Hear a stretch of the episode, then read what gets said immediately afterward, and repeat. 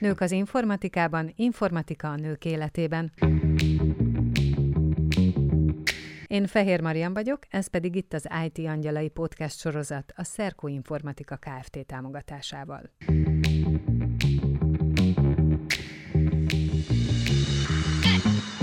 Szép napot mindenkinek, én Fehér Marian vagyok, és ez itt az IT Angyalai második évadának negyedik epizódja. És továbbra is a nők és az IT szakma kapcsolata áll a fókuszban. Mai vendégem pedig Perecki Anna, a SMAP Lab társalapítója, kutatásvezetője, aki mezőgazdasággal foglalkozó családból jön, ő maga is őstermelő, és az IT-hoz fűződő kapcsolata leginkább a saját szakterületének a védelmére szolgál. Erről fogunk többek között beszélni. Üdvözöllek, szia! Szia, sziasztok! És itt van velünk Lippai Andrea, a Szerkó Informatika Kft. értékesítés támogatási igazgatója, aki szintén belefolyik majd a beszélgetésbe. Szia! Sziasztok, üdvözlök mindenkit! Talán induljunk ki rögtön a múltból, az őstermelésből, illetve a mezőgazdasággal, agráriummal foglalkozó családi életből, ami, ha jól gondolom, Észak-Kelet-Magyarországra tesz téged.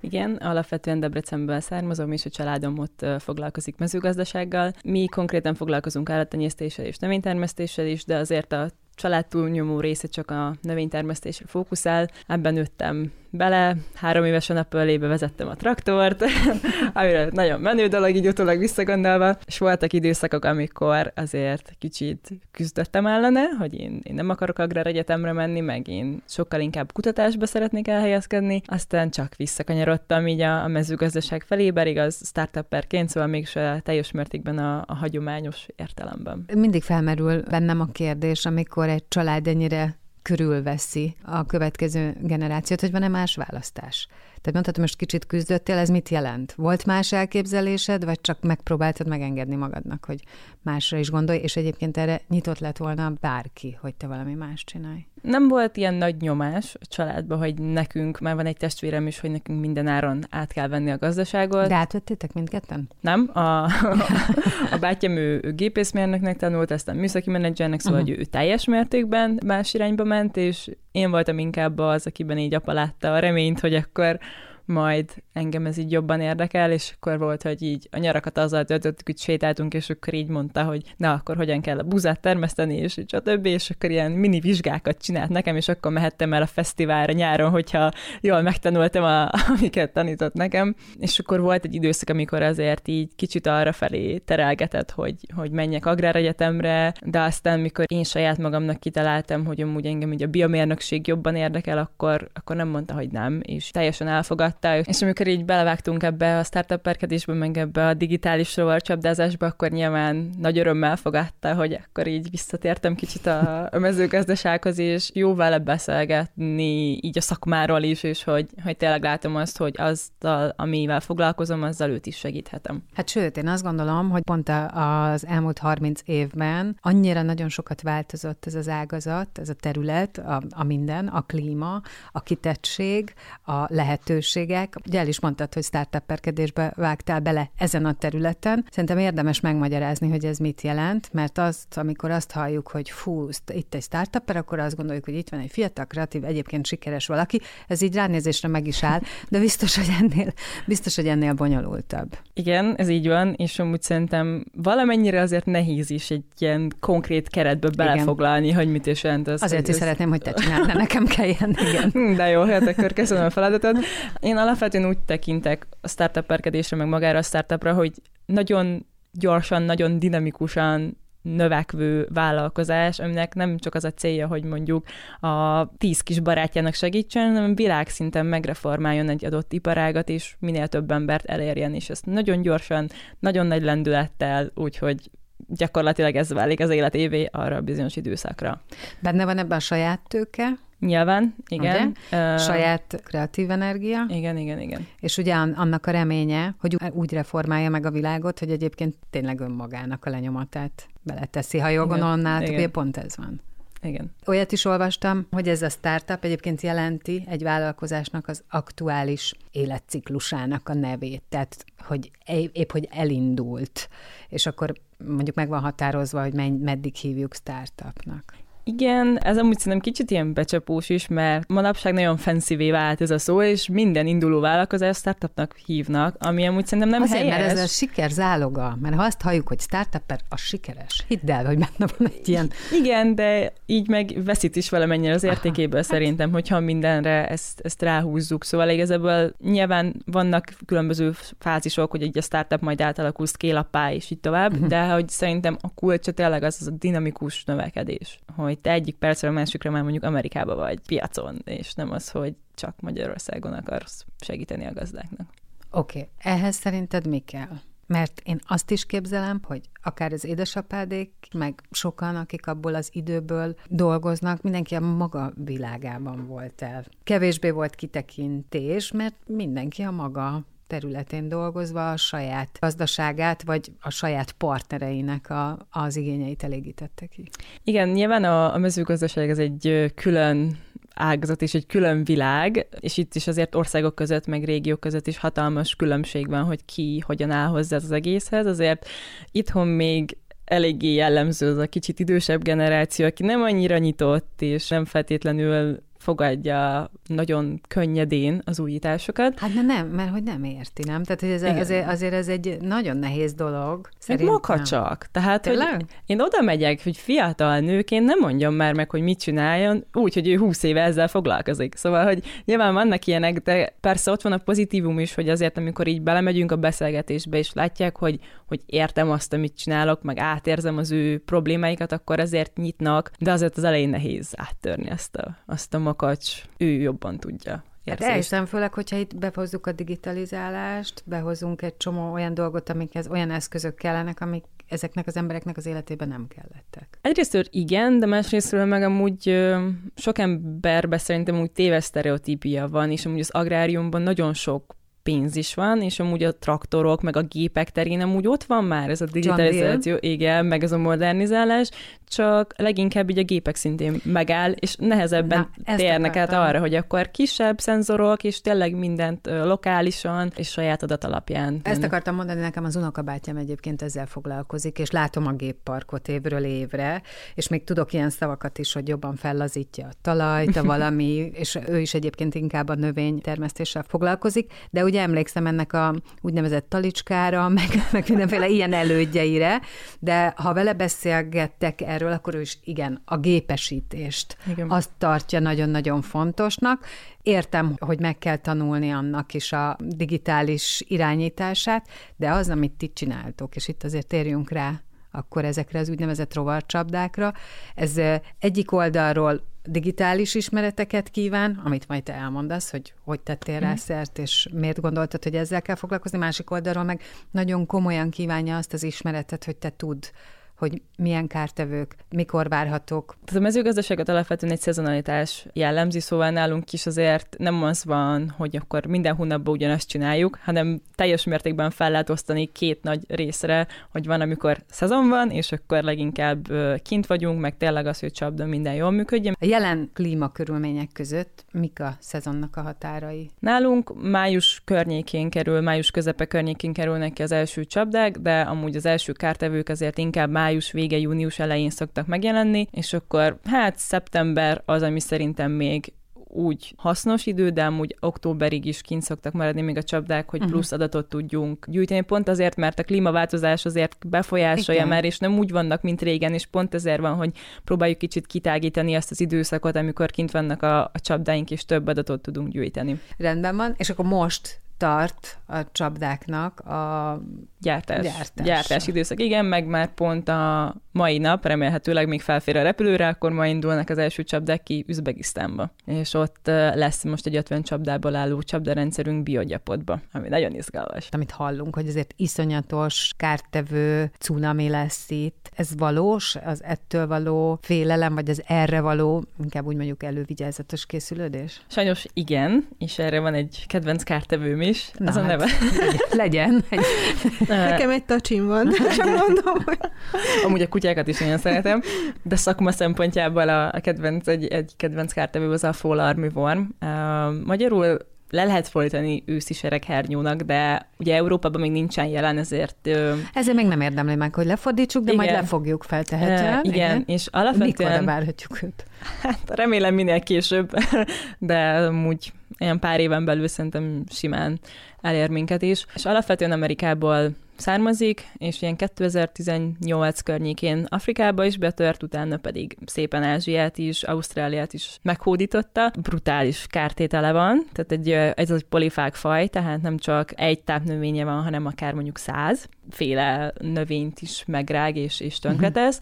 Egy éjszak alatt 100 kilométer tud repülni, Szóval Szóval hatékony. Nagyon durva, igen. És ugye Afrikában elég nagy élelmezési problémát is okoz, pont azért, mert nem nagyon tudnak még jelenleg, hogy felkészülni ellene, meg megvédekezni ellene, és hát nekünk is fent van a palettánkon, hogy a csapdánkat kiterjesszük erre a kártevőre is, és azzal egy egészen egy, akár egy világszintű monitoring szisztemet kialakítani, és hát számolni kell azzal, hogy, hogy Európában is meg fog jelenni. Nyilván amúgy a, a klímaváltozás következtében, meg a globalizációnak is, hogy mindent szállítunk mindenhova, és ez a kettő hatás igazából, aminek köszönhető az, hogy ennyire elterjedt. Akkor legyen az, mesélsz egy kicsit erről, a, ugye amit kérdeztem, hogy ezeknek ismereteknek a megszerzése, illetve az ismereteknek a felhasználása, és összekötése azzal, hogy digitális csapdákat hogy lehet előállítani, mit jelent ez. Ugye ezt nagyon jól mondtad, hogy igazából két rész van, ugye ez egyik az ilyen digitalizációs, meg minden, ami így IT, meg mérnöki tudás, meg ugye van az agráros rész, és amúgy nagyon vicces, mert jelenleg a csapatnak a túlnyomó része az inkább a, a mérnöki és az IT résszel foglalkozik, és az agrárban mondjuk két ember van, az egyik én, akik ezzel foglalkoznak, szóval van egy nagyon erős, mivel van egy hardware komponense a, a csapdánknak, ezért ott azért nagyon sok mérnöki munka van, ezt legyártani, megtervezni, minden alkatrészt beszerezni, főleg a mai világban, amikor semmi sincsen készleten, és hogyha van, akkor is két héttel később jön meg, mint ahogy ígérték. Ugye van egy szoftver része is, hogy akkor a képfelismerő rendszer jól működjön, tudjon kommunikálni az egység velünk, tehát hogy a, a szerverrel, akkor hogy az adatokat hogyan jelenítjük meg a gazdák számára, és akkor utána jön ugye az agrároldal, hogy ezt mindezt összeegyeztessük a kártevők életciklusával, a szezonalitással, az, hogy mikor van a termésidőszak, ugye ez különböző országokban másképp van. Az egyik fajta csapdánk az feromonnal működik, a másik fényjel. A feromonnál, hogy akkor melyik országban melyik lokális feromon az, ami hatékony és kellően szelektív, a fénynél szintén az, hogy melyik az a fény hullámhossz, ami csak azt az adott kártevőt fogja bevonzani, szóval nagyon komplex a rendszer, nagyon sok mindenre kell odafigyelni, és nyilván amikor belekezdtünk ebbe az egészbe, ez egy ötletverseny volt, egy egyetemi ötletverseny. Na, ezt akartam kérdezni, hogy ezt ki találta ki? Akkor én még nem gondoltam, hogy ez egyszer idáig fog eljutni, de nagyon örülök neki, hogy, hogy belevágtunk, és voltunk olyan merészek, hogy ezt mondtuk, hogy jó, persze csináljuk. Um, és igazából az egy egyetemi ötletversenyből indult ki, ahol kifejezetten agrárdigitalizációs ö, megoldásokat kerestek. Volt egy, ö, egy srác akkor a csapatban, aki a Szabolcsból jött, és náluk ott az alma, azért ez egy elég ö, jelentős kultúra, és ott az alma moly csapdával indultunk el igazából, akkor még csak az, hogy telefont berekni, vagy bármilyen módon képet küldeni a, a csapdából, és akkor ezzel az ötlettel igazából meg is nyertük a versenyt, és utána egy pár hónappal később elindultunk a Nemzeti Agrárkamara által indított inkubációs programba, és ott leültünk beszélni a Bonafarmal, akitével, szóval, hogy így Magyarország viszonylatban elég jelentős agrárcégekkel, akkor voltunk ilyen 18-19 évesek, szóval, hogy ez így nekem egy ilyen nagyon furcsa, de nagyon jó érzés volt, hogy rögtön leülhettünk a fejesekkel, úgyhogy még, de is a máskor úgy szerintem ránk sem néztek volna. És akkor ők mondták, hogy tök jó az alapelképzelés, de hogy az almamoly őket nem érdekli. Nekik van egy csomó kukoricájuk, így mi lenne, ha inkább a kukoricamolya vagy a gyapottok bagajlepkével foglalkoznánk. És akkor így néztük, hogy akkor azt sem tudtam, hogy mi az a gyapottok bagajlepke, de hát jó, oké, akkor így hazamentünk, gyorsan felhívtam apát, meg Akartam Google. mondani, hogy igen. gyorsan akkor felcsaptad a könyvbe, hogy ő kicsoda, micsoda. Igen, igen, akkor így gyorsan este lefutottunk egy ilyen keresést, átgondoltuk, és másnap reggel úgy mentünk vissza, hogy jó, persze megcsináljuk. És ez volt valahogy, nem tudom, január környékén, és áprilisban, meg májusban megint voltak a csapdák. Az jutott eszembe, hogy pont egy ilyen egyetemi ötletbőrze, illetve nagyon sok olyan nagyszerű dolog van a világon, aminek, hogyha utána jársz, akkor kiderül, hogy egy kicsit ilyen kvázi nem azt mondom, hogy tét nélküli dologból indult, hanem egy olyan dologból indult, ami védett környezet, és ahol elengedheted a fantáziádat, tehát hogy nincsenek korlátok. És akkor kitalálsz valamit, aztán utána persze nyilván hozzáigazítod a valósághoz, de hogy ez olyan sokat ad, nem? Tehát egy kreatív energiát. A másik pedig, ami felmerült bennem, mint kérdés, hogy vajon rögtön beleláttátok a nemzetközi szinteret, vagy csak ez a kicsiben, és majd valami lesz, vagy, vagy egyből ez volt az álom, hogy Ja, hát miért ne lehetne? Hát igazából egyébként az helyrajzi kérdés, hogy hova megy a dolog. Igen, hát egyből benne volt, főleg az alapító társam Postadonet, ő az, aki ilyen rögtön nagyon nagyba gondolkozik, meg ő az ilyen stratégia, meg biznisz oldalon, aki nagyon benne van ebbe a dologba. Tudti, hogy a sikernek az egyik Igen, kulcsa, igen, is. és és akkor így, hát persze, ott van Amerika, ott a kukoricaövet, akkor azért összehasonlítjuk Magyarországot mondjuk a kukoricaövel, akkor így hmm, lehet, hogy nem csak Magyarországban érdemes gondolkozni, és azóta meg tényleg ilyen, akkor kicsik voltunk, fiatalok, hát ja, persze, ú, nagy Amerika, és így közben rájöttünk, hogy amúgy a szomszédba, tehát Ukrajnába, Üzbegisztánba, bárhol akkor a területek vannak, és akkor a piac lehetőség. Mondtad ugye te magad is, hogy a két terület összehangolására szükség van, és hogy inkább mérnök és IT csapatból bővelkedtek, az agrárba ketten vagytok. Én azt képzelném, hogy ahhoz, hogy a, ez a mérnök és IT csapat meg tudja csinálni a hatékony csapdát, ahhoz ugye nagyon szükségük van arra, hogy rád odafigyeljenek, a te agrártudásodat megértsék, és uh, ahhoz képest írjanak programokat, de hogy ez a kérdés, hogy neked mennyit kellett tanulnod és képezned magad az IT szektorban, hogy ezt a kettőt össze lehessen hozni. Az elején elég nehéz volt, volt, hogy minden másik szavukat nem értettem, hogy miről beszélnek, Biztos de nyilván ez fordítva is igaz volt, hogy ők se értették, hogy, hogy mi az, hogy gyakorlatilag. megkérdezem, hogy hogy, hogy hogy zajlott egy beszélgetés. Hát az elején nagyon sok mutogatás volt, olyan értelemben, hogy tényleg akkor leütünk gép elé, és akkor na, akkor itt ez, itt meg az, és akkor úgy, most már azért szerintem egész jól megértem őket, persze azért mindig tudnak újat mondani, de azért, mert hogy biomérnökként végeztem, és azért abban benne van a mérnök, tehát hogy azért bennem van az is, meg, meg így mindig is érdekeltek ezek a dolgok is, most is erbe tanulok programozni, ami tudom, hogy nem a világ legnagyobb dolga, de hogy azért az is segít abban, hogy, hogy jobban lássam az ő oldalukat is, meg tényleg az, hogy nagyon szorosan együtt dolgozunk, ez mindenképpen segít abban, hogy, hogy megértsük egymásnak a, az oldalát, meg én is forrasztottam ugyanúgy, meg szeretem a csapdákat, szóval, hogy így, így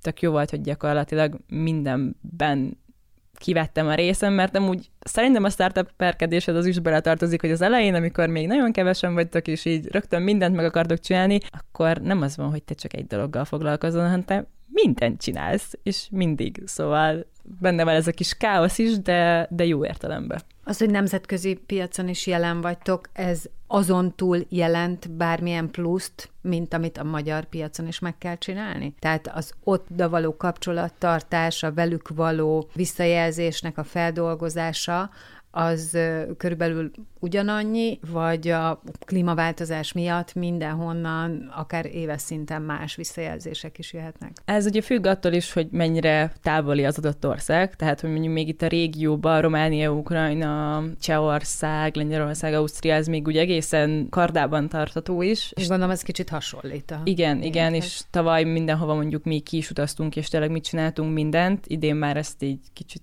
leadtunk ebből, és átadtuk az ő kezükbe, mert egyszer nem tudtunk mindent egyszerre menedzselni. Az óraeltolódás az néha be tudott kavarni, de ami így, ha az agráriumot felretesszük, és csak így a technológiai oldalról nézzük a megoldást, akkor ott a legnagyobb problémát általában a hálózat okozza. Tehát, hogy ugye a csapdáinknak fel kell küldeni a képet, meg a meteorológiai adatokat, és azért vannak olyan területek, ahonnan nagyon-nagyon nehéz felszenvedni azokat az adatokat a mi szerverünkre, és ez volt ez, ami így leginkább problémát okozott, mint most milyen szimkártyát rakjunk bele, meg, meg hogy de nyilván azért az agrárium szempontjából is valahol egy-két hónappal hamarabb küldjük ki. Ugye terve van az, hogy idén már a déli feltekére is átjutunk, ott meg aztán teljes mértékben másképp van az egész, ha az időszakokat nézzük, és a kártevők is azért egy, egy picit másak. És amit említettem is, hogy mondjuk feromonoknál, akkor így mindig az van, az az első, hogy jó, akkor keressünk olyat, aki mondjuk lokálisan abban az adott országba gyárt, mert akkor valószínűleg az lesz a leghatékonyabb, és nem az, amit mondjuk mi Magyarországról vinnénk. Uh-huh, tehát figyelitek ilyen módon.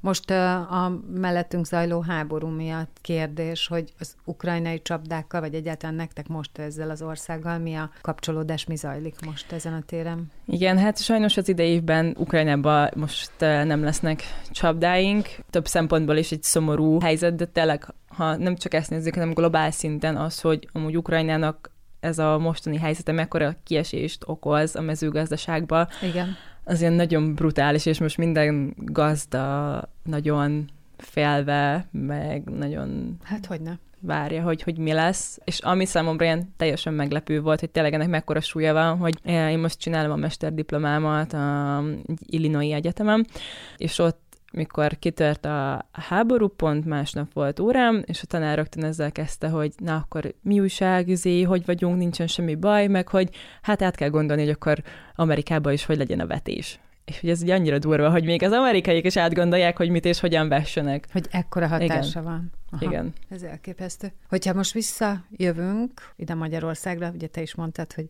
itt kis fiatal kislányként az, hogy te megmond a nagy mezőgazdasági szakembereknek, hogy mit kell csinálni, megmond azt, hogy fú, digitális módon így és így lehet védekezni. Ez nem volt egy könnyű kör, de hogy ebben folyamatosan zajlik nyilván a fejlődés.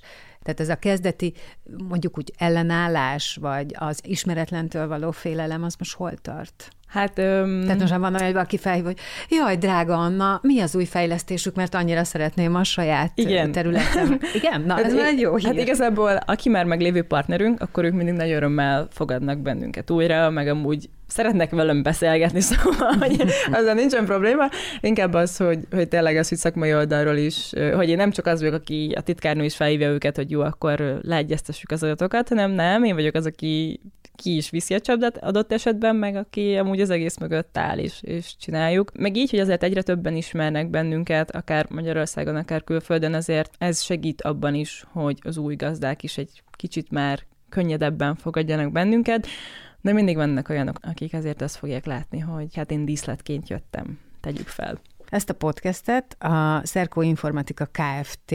jó voltából tudjuk csinálni, és ugye itt van Lippai Andrea, a Szerkó Informatika Kft. értékesítés támogatási igazgatója, és én azt vettem észre, hogy te ezt mindig fontosnak tartod, hogy a saját rendszer védelme meglegyen, hogy erre felhívjuk a figyelmet. Ha gondolod, akkor Adnának szerintem nyugodtan feltehető ez a kérdés. szerintem, szerintem Annáig nagyon jól tudják ezeket a dolgokat. Én úgy vettem észre, hogy kellőképpen körbe vannak bástyázva mérnökökkel és minden egyébben. Ugye nyilván nem csak magánszemélyként, hanem természetesen cégekként is nagyon fontos az, hogy, hogy milyen biztonságtechnikával dolgoztok. Mi nem csak ezzel foglalkozunk természetesen, hanem mindenféle hardverrel és szoftverrel és mindennel, ami a piacon létezik. Tehát nem föltétlen csak biztonságtechnikában utazunk. Tehát át tudjuk érezni azokat a dolgokat, amiket mondtál most, hogy késnek az áruk, és hogy milyen akadályokat gördít elénk. Ez, és furcsa azt hallani, hogy egy másik cégnek is ez gyakorlatilag milyen gondot okozhat. Hogy mi küzdünk azzal, hogy az ügyfeleink megfelelőképpen megkapják az árut, és elégedettek legyenek, és néha azért nem látunk tovább, vagy nem is tudom, talán a rohanó világ miatt nem látunk tovább, és nem látjuk azt, hogy ez milyen gondot okoz egyébként. Mert mondjuk egy kéthetes csúszás egy mezőgazdaságban azért szerintem az rengeteget jelent. Tehát az, az azért nagyon durva. És hát ugye nyilván ti is tudjátok azt, hogy visszatérve egy kicsit a biztonságtechnikára, hogy itt most fokozott védelem van mindenhol, természetesen, mert nem lehet tudni, hogy mikor érhet bárkit bárhol támadás, bármilyen, akár külföldről is, és hogy beszéltünk az ukrán helyzetről is, hát ugye ott a mezőgazdaság az egyik fő bevételi forrás volt, és nyilván ezért az amerikaiaknak ezért fontos az, hogy akkor most mit vessenek, és hogyan, hogy milyen, milyen behozatalra számíthatnak, vagy tehát elég szerteágazó, nem, nem is gondolnánk. Én egy kicsit így a mezőgazdaságra visszavetítve azért elmondanám, hogy körülbelül talán egy olyan három éve, három-három-négy éve hallottam én először itt Magyarországon arról, hogy, hogy mezőgazdasági drónokat fognak használni és alkalmazni, és hogy ez milyen jellegű és milyen mértékű állami támogatást fog élvezni. És olyan érdekes, hogy eltelt három-négy év, találkozunk már vele, látjuk a működésüket, most már nagyon nagy cégek, értem itt disztribúciókat foglalkoznak ezzel, és, és próbálják a viszonteladókat rávenni arra, hogy, hogy ez irányba mozduljanak el. Mégis azt látom, hogy olyan nagy érdeklődés ez iránt nincsen még, mint amire számítottunk mi is első körben, tehát ahogy hallottuk ezt a, ezt a reformot, hogy ez mennyire jól jöhet, és az ellenállás az ebben is ütközik valószínűleg, mint nálatok. Én például a ti dolgaitokra nem is hallottam még, úgyhogy érdeklődéssel hallgattam ezt, hogy milyen, milyen csodálatos dolgok vannak, hogy mennyire tudjátok segíteni ezt a munkát. És igazándiból nem tudom, hogy azért nincs érdeklődés, mert egyrésztről maguk a gazdák nem fogékonyak ezekre a dolgokra még, vagy nem hisznek bennük, vagy, vagy azért, mert egész egyszerűen nem ismerik még ezt, nincs megfelelő reklám, és, és nincs megfelelő marketing mögötte, hanem kvázi szájról szájra terjedő státuszban vannak ezek a dolgok. Mennyire befolyásolja az információ áramlás azt, hogy mennyire ismert lehet egy informatikai forradalom akár a mezőgazdaságban? Fú, nagyon sok mindent mondtál, nagyon sok mindenre tudok reflektálni, és megpróbálok mindent észben tartani. Csak olyan még eszembe van a drónokra is szeretnék, hogy amúgy a drónok amúgy szerintem egész jól elterjedtek, és sokan használják, és ami szerintem inkább gátja volt, meg még mai nap is, az, hogy a szabályozás akár jogszabály szinten, akár felhasználás szinten még nem kellően kiforrott, meg ugye megint az, hogy a gépesítés eljutott odáig, hogy vannak drónok és jól működnek, de még nem feltétlenül van olyan permetszer, vagy olyan anyag, amit ki lehetne vele hatékonyan juttatni. És ezek, amik nem mindig vannak egyensúlyban, és ezek szabnak gátot, de amúgy szerintem a, a drónozás az, amit te majdnem mindenki örömmel használ, mert hogy lehet vele játszani is, meg amúgy tényleg nagyon sok haszna, mi is használtuk, főleg akkor, amikor a, mondjuk pont Ukrajnában volt ez, hogy a kukorica megnőtt akár három méter magasra is, és nem találtuk a csapdánkat benne. Hiába mentünk, a GPS az nem működött jól, tehát hiába van GPS a csapdába, ott a hálózatban nem bízhattunk ebbe, és akkor felküldtük a drónt, és akkor felülről néztük, hogy ne vajon hol van a táblában a csapdánk. Szóval akár ennyire gyakorlatilag felhasználás. De milyen szerencse az a ti esetetekben, hogy akkor valószínű itt az van, hogy az informatika és a műszaki dolgok fejlődése elment, és nem ment utána, vagy nem volt társa közvetlen ugye a mezőgazdasági szakértelem. Igen, és mennyire szerencsés, igen, és mennyire szerencsés ez nálatok, hogy ez a kettő együtt fejlődött, és valószínűleg ezért van akkor összhangban. Igen, mert ugye alapvetően a, a csapdázásnak, amúgy meg a feromon csapdázásnak van már egy jó 30 éves hagyománya, a leginkább gyümölcsösekbe. És nekünk ami ez az, ami ilyen egyrészt újdonság is, de másrésztről meg kicsit nehézség is, hogy a szántóföldi kultúrákban ennek nincsen még egy olyan kialakult gyakorlata, és pont ezért lesz ez egyre fontosabb, mert itt is a kártevők, ahogy változik az éghajlattal, az életmódjuk és egyre nagyobb a kártételük, egyre kiszámíthatatlanabb, megjelennek újabb kártevők, amik eddig nem voltak, ezért lesz a szántóföldi területeken is egyre nagyobb jelentősége annak, hogy, hogy odafigyeljenek erre is. Hogyan működik ez a csapdátok? Hogyan van informatikai összefüggése? Hogy milyen adatokat dolgoztok föl? Ez a csapda csak csapda, vagy ez el is pusztítja az adott kártevőt? Mi az, ami a mezőgazdaság számára fontos adat, ami alapján esetleg megelőzni tudtok bizonyos nagyobb károkat? Alapvetően mi a hagyományos feromoncsapdákat gondoltuk újra, és azt ötvöztük így a mesterséges intelligenciával, meg, meg a technológiával, és van egy hát nagyon leegyszerűsítve van egy dobozunk, amiben van magának a csapdának az agya, ami ugye kommunikál velünk, meg van egy beépített kamera, ami minden nap készít egy felvételt a berepült kártevőkről. A mi csapdáink azok szelektívek, ugye vagy a feromon, vagy pedig a specifikus fény segítségével csak egy adott kártevőt tudunk, vagy egy adott kártevőt fogunk be a csapdáinkkal. Ezek a kártevők ugye berepülnek, és mert csapda, ezért bent is maradnak, de nekünk amúgy nem az a célunk, hogy elpusztítjuk az összes meglévő kártevőt az adott területen, hanem csak az, hogy, hogy megfigyeljünk. És ezek az adataink alapján, tehát a berepült kártevőt, tehát napi fogásszámról, és a hőmérséklet és páratartalom adatok alapján tudjunk egy rajzás görbét kialakítani, és így a gazdák tudják követni, hogy mikor van a rajzás csúcs, és hogy akkor mikor kell ez alapján védekezni. Ez nagyon érdekes, tényleg. És, és tényleg nagyon szerencsés, hogy így az informatikával megtaláltatok az összhangot, és találtatok olyan embert, aki, aki mellétek szegődött. Igen. Nem? Tehát, hogy, Igen, de úgy az a vicces, hogy ezzel nincsen probléma, mert nyilván nagyon nehéz most embert, meg jó embert találni, Igen.